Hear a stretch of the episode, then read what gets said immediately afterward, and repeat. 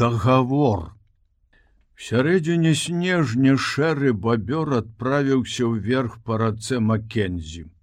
Міца і клуб куч паехалі разам з ім.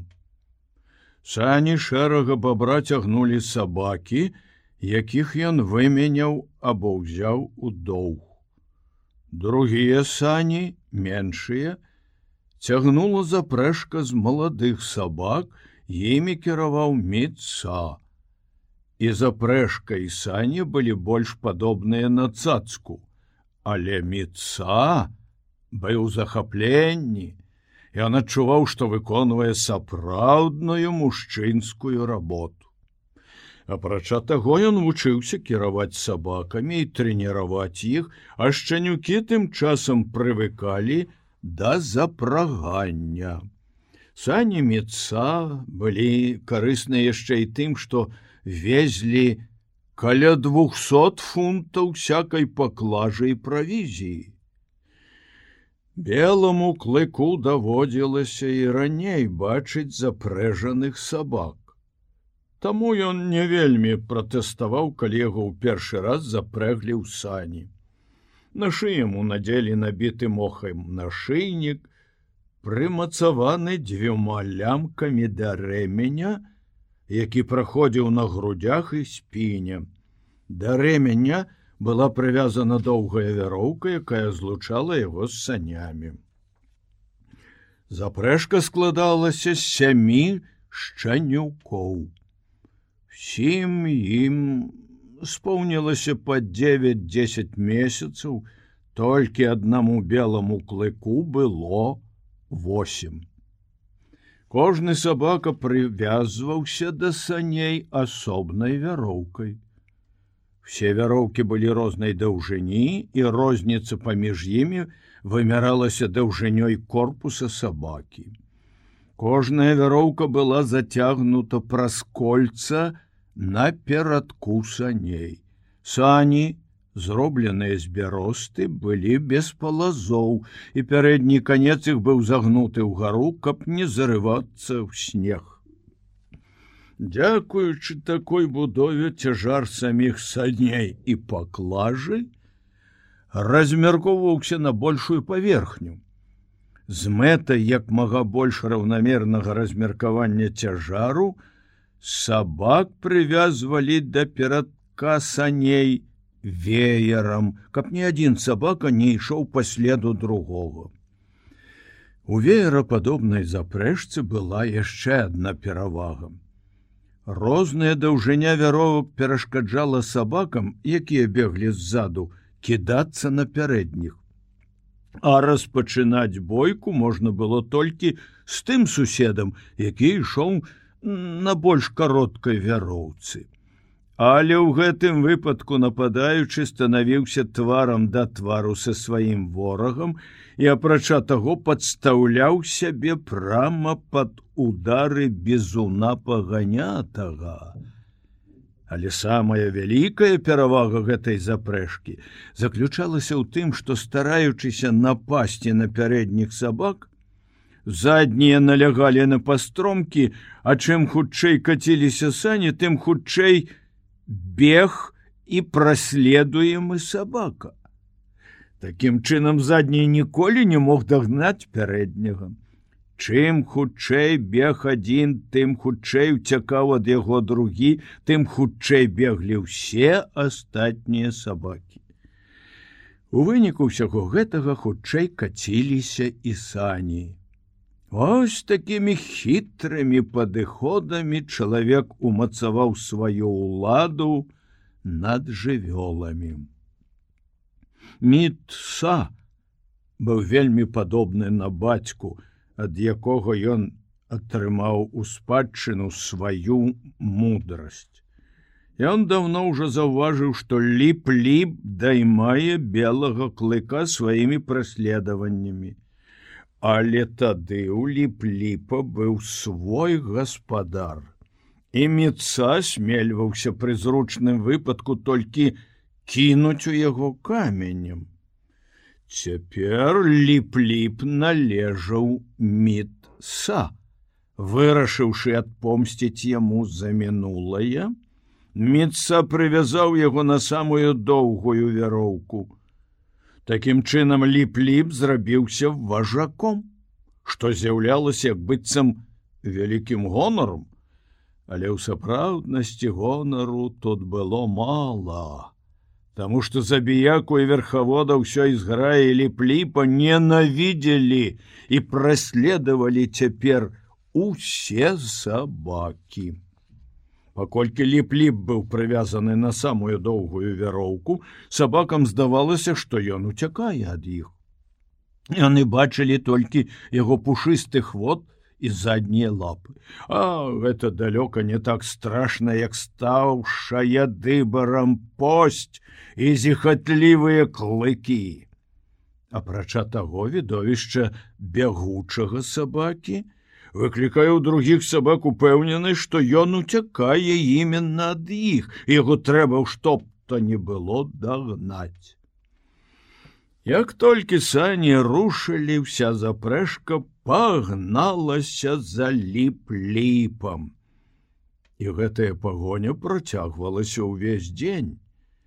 У першыя часы зняважаны ліп-ліп увесь час імкнуўся кінуцца на сваіх праследавальнікаў але міца кожны раз цябаў яго по галаве тридцатифутавай пугай, якая была звіта з вяленых аленях кішак, прымушаў яго вярнуцца на месца і бегчы далей. Ліп-ліпа не спалохала пуся зграя, але перад пугай ён здаваўся, і яму не заставалася нічога іншага, як нацягваць вяроўку і адносіць свае бакі ад зубоў таварышаў. Але ў галаве індзейца таілася і адна хітрасць. Каб узмацніць варожасць усёй запрэшкі да ліп-ліпа, Міца пачаў выдзяляць яго перад другімі сабакамі, узбуджаючы ў іх рэўнасць і нянавісць да важака. Міца кармеў яго мясам у прысутнасці ўсёй зграі і нікому другому мяса не даваў. Сабакі ашалелі, яны кідаліся вакол ліп-ліпа, пакуль ён еў, але блізка падысці не асмельваліся, таму што міца стаяў каля яго з пугай у руцэ. А калі мяса не было, міца адганяў запрэшку далей і рабіў выгляд, што корміць ліп-ліпа. Белы клык узяўся за работу ахвотна, пакараючыся богам, ён у свой час прарабіў значна даўжэйшы шлях, чым астатнія сабакі, і значна глыбей, чым яны ўразумеў всю дарэмнасць супраціўлення волі богоў. Апрача таго, праследаванне, якое яму прыйшлося перанесці, памяншала ў яго вачах значэнне зграі, і павялічвала значэнне чалавека. Ён не прывык адчуваць сябе залежных ад сваіх жа сабратаў. Ён амаль забыўся на кіч і вернасць богам, уладу якіх прызнаў над сабой белы клык зрабілася летне адзіным доступным яму пачуццём. Белы клык старанна працаваў, слухаўся загадаў і падпарадкоўваўся дысцыпліне. Ён працаваў сумленна і ахвотна гэтую ўласцівасць, якую мелі все прыручаныя ваўкі, прыручаныя сабакі, белы клык меў у велізарнай ступені. Ваўчок меў зносены і з сабакамі але гэтыя зносіны адбываліся на глебе варожасці і нянавісці. Ён ніколі не гуляў з імі. Ён умеў біцца і біўся, аддаючы ў сто разоў за ўсе ўкусы і прыцясненні, якія яму давялося перацярпець у тыя дні, калі ліп-ліп быў важаком з граі. Цяпер ліп-лі палічылі важаком толькі тады, калі ён бег, на канцы доўгай вяроўкі наперадзе сваіх таварышаў і падскокваючы па снезе саней. На стаянках ліп-ліп трымаўся бліжэй да міца, шэрага бабра і клоу куч, не адважваючыся адысці ад багоў, таму што цяпер клыкі ўсіх сабак былі накіраваны супраць яго. І ён адчуваў на сабе ўсю горыч варожасці, якая прыходзілася раней на долю белага клыка. Пасля падзення ліпліпа белы клык мог бы зрабіцца важаком з граі. Але ён быў вельмі пануры і замкнёны для гэтага. Таварышы па запрэжцы атрымлівалі ад яго або ўкусы, або поўную абыякавасць. Пры сустрэчах з ім яны збочвалі, і ніводзін нават самы смелы сабака не адважваўся адняць у белага клыка яго порцыю мяса. Наадварот, Яны стараліся як мага хутчэй праглынуць сваю долю, баючыся, каб ён не адабраў яе. Белы клык добра засвоіў закон. Прыгнятай слабага і падпарадкоўвайся дужаму. Ён паспешліва з'ядаў сваю порцыю, і тады гора таму сабаку, які яшчэ не скончыў есці грозны рык, вышчараныя клыкі з сабаку не заставалася нічога іншае, як выказваць сваё абурэнне раўнадушным позіркам, пакуль белы клык дакончваў яго порцыю. Час ад часу то адзін, то другі сабака ўзнімаў супраць ваўчка буд, але ён хутка супакойваў іх. Белы клык старанна ахоўваў сваё адасобленае становішча ў зграі і часта браў яго у бойках, але такія сутычкі былі непрацяглыя. Сабакі не маглі змагацца з ім. Белы клык наносіў раны праціўніку, не даўшы яму апамятацца, і сабака зыходзіў крывёю, яшчэ не паспеўшы як належаць уступіць у бой. У час работы белы клык таксама як і багі падтрымліваў сярод сваіх сабратаў суровую дысцыпліну. Ён ні ў чым ім не патураў і патрабаваў бязмежнай павагі да сябе. Паміж сабой сабакі маглі рабіць усё, што хацелі. Это яго не датычыла. Белы клык сачыў толькі за тым, каб сабакі не пасягалі на яго адасобленасць, саступалі яму дарогу. Калі ён з'яўляўся сярод зграі і прызнавалі яго панаванне над сабою. Варта было якому-небудзь сабаку прыняць ваяўнічы выгляд, вышчарыць зубы або натапырыцца, як белы клык кідаўся і без усякай міласці, пераконваў забіяку памылковасці яго ўчынкаў. Ён быў лютым тыранам, які ўладарнічаў жалезнай цвёрдасцю. Слабыя не ведалі літасці ад яго. Жорсткая барацьба за існаванне, якую яму давялося весці з самага ранняга дзяцінства, калі ў дваіх з маткай адны без усякай дапамогі яны біліся за жыццё, перамагаючы варожасць лясной глушы, не прайшла бесследна. І нездарма навучыўся белы клык ступаць ціха і асцярожна, калі больш дужы праціўнік знаходзіўся паблізу. І он прыгнятаў слабага, але затое паважаў дужага. І калі шэры бабёр сустракаў на сваім доўгім шляху стаянкі другіх людзей, Белы клык заходзіў паміж чужымі сабакамі ціха і асцярожна. Мінула некалькі месяцаў, а падарожжа шэрага бабраўся яшчэ не спынялася. Доўгая дарога і заўзятая работа ў запрэжцы ўмацоўвалі сілы белага клыка, а разумовае развіццё яго як быццам скончылася. Свет, які акружаў яго, ён пазнаў да канца.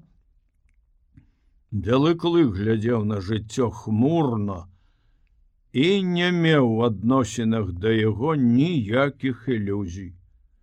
На погляд ваўчаняці свет гэты быў суровы і бязлітасны. Яго не сагравала ніякая цеплыня. У гэтым свеце не існавала ні ласкі, ні прывязанасцей. Белы клык не адчуваў прывязанасці да шэрага бабра. Праўда, шэры бабёр быў богам. Але богам вельмі бязлітасным. Белы клык ахвотна прызнаваў яго ўладу над сабой. Але ўлада гэтая грунтавалася на разумовай перавазе і на грубай сіле. У натуры белага клыка, было нешта такое, што ішло насустрач такому панаванню. Інакш ён не вярнуўся б з лясной глушы і не засведчыў гэтым сваёй вернасці богам. У яго натуры меліся яшчэ нікім не даследаваныя глыбіні. Ласкавым словам або мяккасцю, Шэры бабёр мог бы закрануць гэтыя глыбіні. Але ён ніколі не песціў белага клыка, ніколі не гаварыў з ім ласкава. Гэта было не ў яго звычаі. У перавозе шэрага бабра адчувалася жорсткасць і з такой жа жорсткасцю ён загадваў чынячы суд пры дапамозе палкі, караючы злачынства з фізічным болем і ўзнагароджваючы па заслугах не ласкай, а тым, што ўстрымліваўся ад удару. Белы клык нічога не ведаў аб тым шчасці, якім можа ўзнагародзіць яго рука чалавека. Ды ён і не любіў чалавечых рук. У іх былось, ну было штосьці падазронае. Праўда, часам руки давалі мяса, але часцей за ўсё яны прыносілі боль. Ад іх трэба было трымацца як мага далей. Яны шпурлялі каменні, сціскалі палки, дубінкі, безуны, умелі біць і штурхаць, А калі дакраналіся, то балюча шчыпалі, тузалі, рвалі поўсць. Чужых пасёлках ён пазнаёміўся з руками дзяцей і даведаўся, што яны таксама умеюць наносіць боль. Нейкі маленькі ледь не выкалаў яму вочы. Пасля гэтага белы клык пачаў адносіцца да дзяцей з вялікай падазронасцю. Ён просто не мог іх цярпець.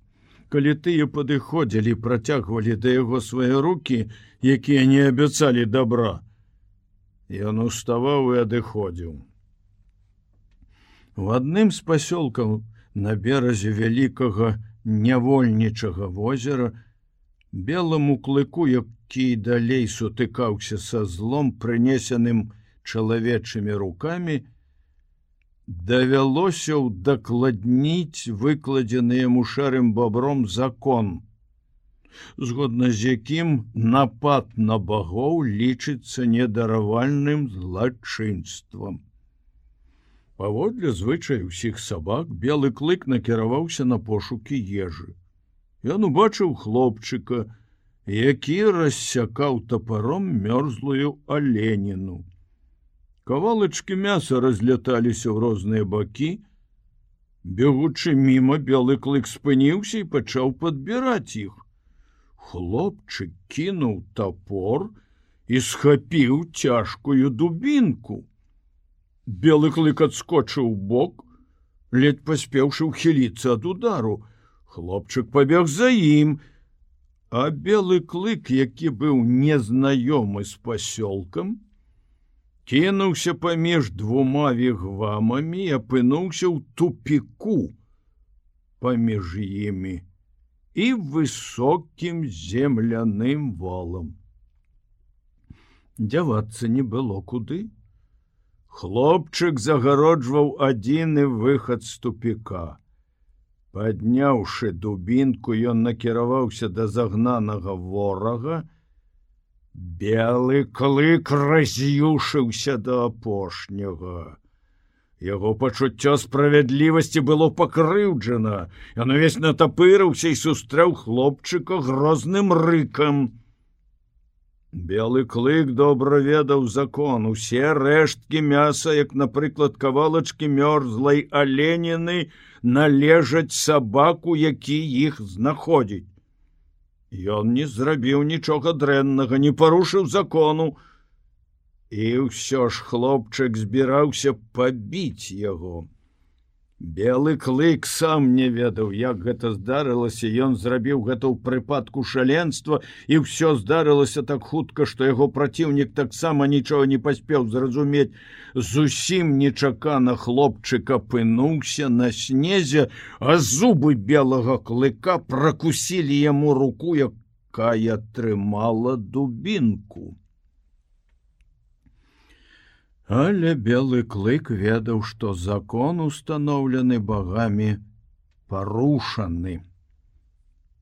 Ён усадзіў зубы ў свяшчэннае цело аднаго з іх і павінен цяпер чакаць самага страшнага пакарання. Ён уцёк пад абарону шэрага бабра і сядзеў, скруціўшыся ля яго ног, калі укушаны хлапец і ўся яго сям'я з'явіліся патрабаваць адплаты. Але яны пайшлі з ні з чым. Шэры бабёр абараніў белага клыка. Тое ж зрабілі меца і клуб куч. Прыслухоўваючыся да спрэчак і назіраючы за гнеўнай жэстыкуляцыі людзей, Белы клык зразумеў, што для яго ўчынку ёсць апраўданне. І такім чынам ён даведаўся, што бываюць багі і багі. Яны падзяляюцца на яго багоў і на чужых багоў.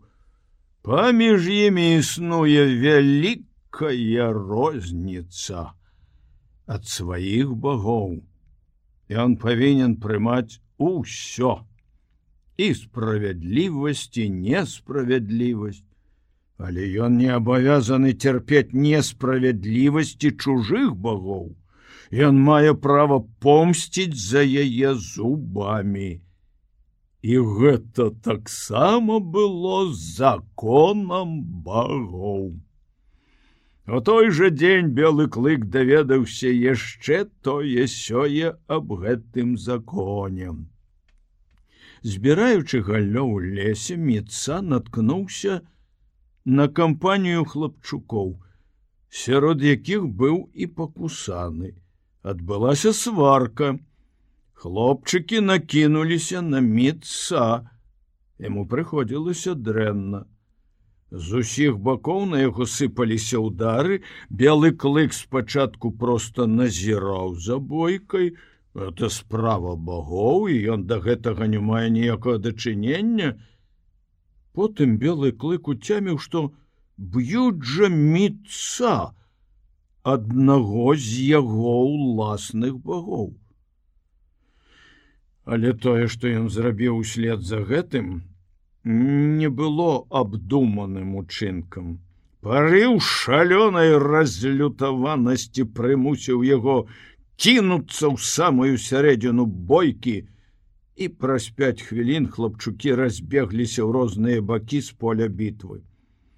Многія з іх пакідалі на снезе крывавыя сляды, якія сведчылі аб тым, што зубы белага клыка не бяздзейнічалі. Калі медца расказаў пасёлку аб тым, што здарылася, Шэры бабёр загадаў даць белому клыку много мяса. Белы клык насыціўшыся, лёг каля агню і заснуў, цвёрда ўпэўнены ў тым, што ён правільна зразумеў закон. Услед за гэтым белы клык зразумеў закон уласнасці і тое, што ён павінен ахоўваць яго. Ад абароны цела Бога да абароны яго маёмасці быў адзін крок, і белы клык гэты крок зрабіў. Тое, што належала Богу, трэба было абараняць ад усяго свету, не спыняючыся нават перад нападам на іншых багоў. Але ўчынак гэты быў звязаны з вялікай небяспекай. Багі ўсе магутныя і сабаку цяжка змагацца з імі. І ўсё ж белы клык навучыўся адважна сустракаць іх. Пачуццё абавязку перамагала ў ім страх, і нарэшце зладзеяватыя багі зразумелі, што маёмы шэрага бабра лепш за ўсё пакінуць у спакоі. У сувязі з гэтым белы клык хутка здагадаўся, што, зладзеяватыя багі баязлівыя і пачуўшы трывогу зараз жа ўцякаюць. Апрача таго прамежак часу паміж узнятай трывогай і з'яўленнем шэрага бабра быў звычайна вельмі кароткі, і ён зразумеў, што злодзей уцякае не таму, што баіцца яго белага клыка, а таму, што баіцца шэрага бабра. Таких выпадках белы клык не брахаў да ён наол ніколі не брахаў. Он кідаўся на няпрошанага гостя і калі ўдавалася упіваўся ў яго зубамі панурасць і нетаварыскасць зрабілі з белага клыка вельмі добрага вартаўніка гаспадарскай маёмасці. І шэры бабёр сяляк заахвочваў яго ў гэтых адносінах. У выніку белы клык зрабіўся яшчэ больш злым, яшчэ больш неўціхаміраным і канчаткова замкнуўся ў самім сабе. Месяцы ішлі адзін за другім і ўсё больш і больш замацоўваўся дагавор паміж сабакам і чалавекам. Гэты дагавор яшчэ спрадвеку быў заключаны першым ваўком, які прыйшоў з лясной глушы да чалавека. Падобна ўсім пакаленням ваўкоў і дзікіх сабак, белы клык сам выпрацаваў умовы гэтага договору. Яны былі вельмі простыя за пакланенне божаству ён аддаў сваю волю. Ад Бога белы клык атрымліваў зносіны з ім апеку ежу і цяпло узамен Ён пільнаваў яго маёмасць, абараняў яго цела, працаваў на яго і пакараўся яму. Белы клык служыў свайму Богу, пакараючыся абавязку і страху Але ён не любіў яго. Ён не ведаў, што такое любоў. Ніколі не перажываў гэтага пачуцця. Кіч зрабілася далёкім успамінам, апроч таго аддаўшыся чалавеку, белы клык не толькі парваў з лясной глушу і са сваімі суродзічамі, але ўключыў у дагавору мову, якая не дазваляла яму пакінуць Бога і пайсці за кіч нават у тым выпадку, калі б ён сустрэў яе. Адданасць чалавеку стала законам для белага клыка, і закон гэты быў мацней за любоў да волі мацней за кроўныя вузы.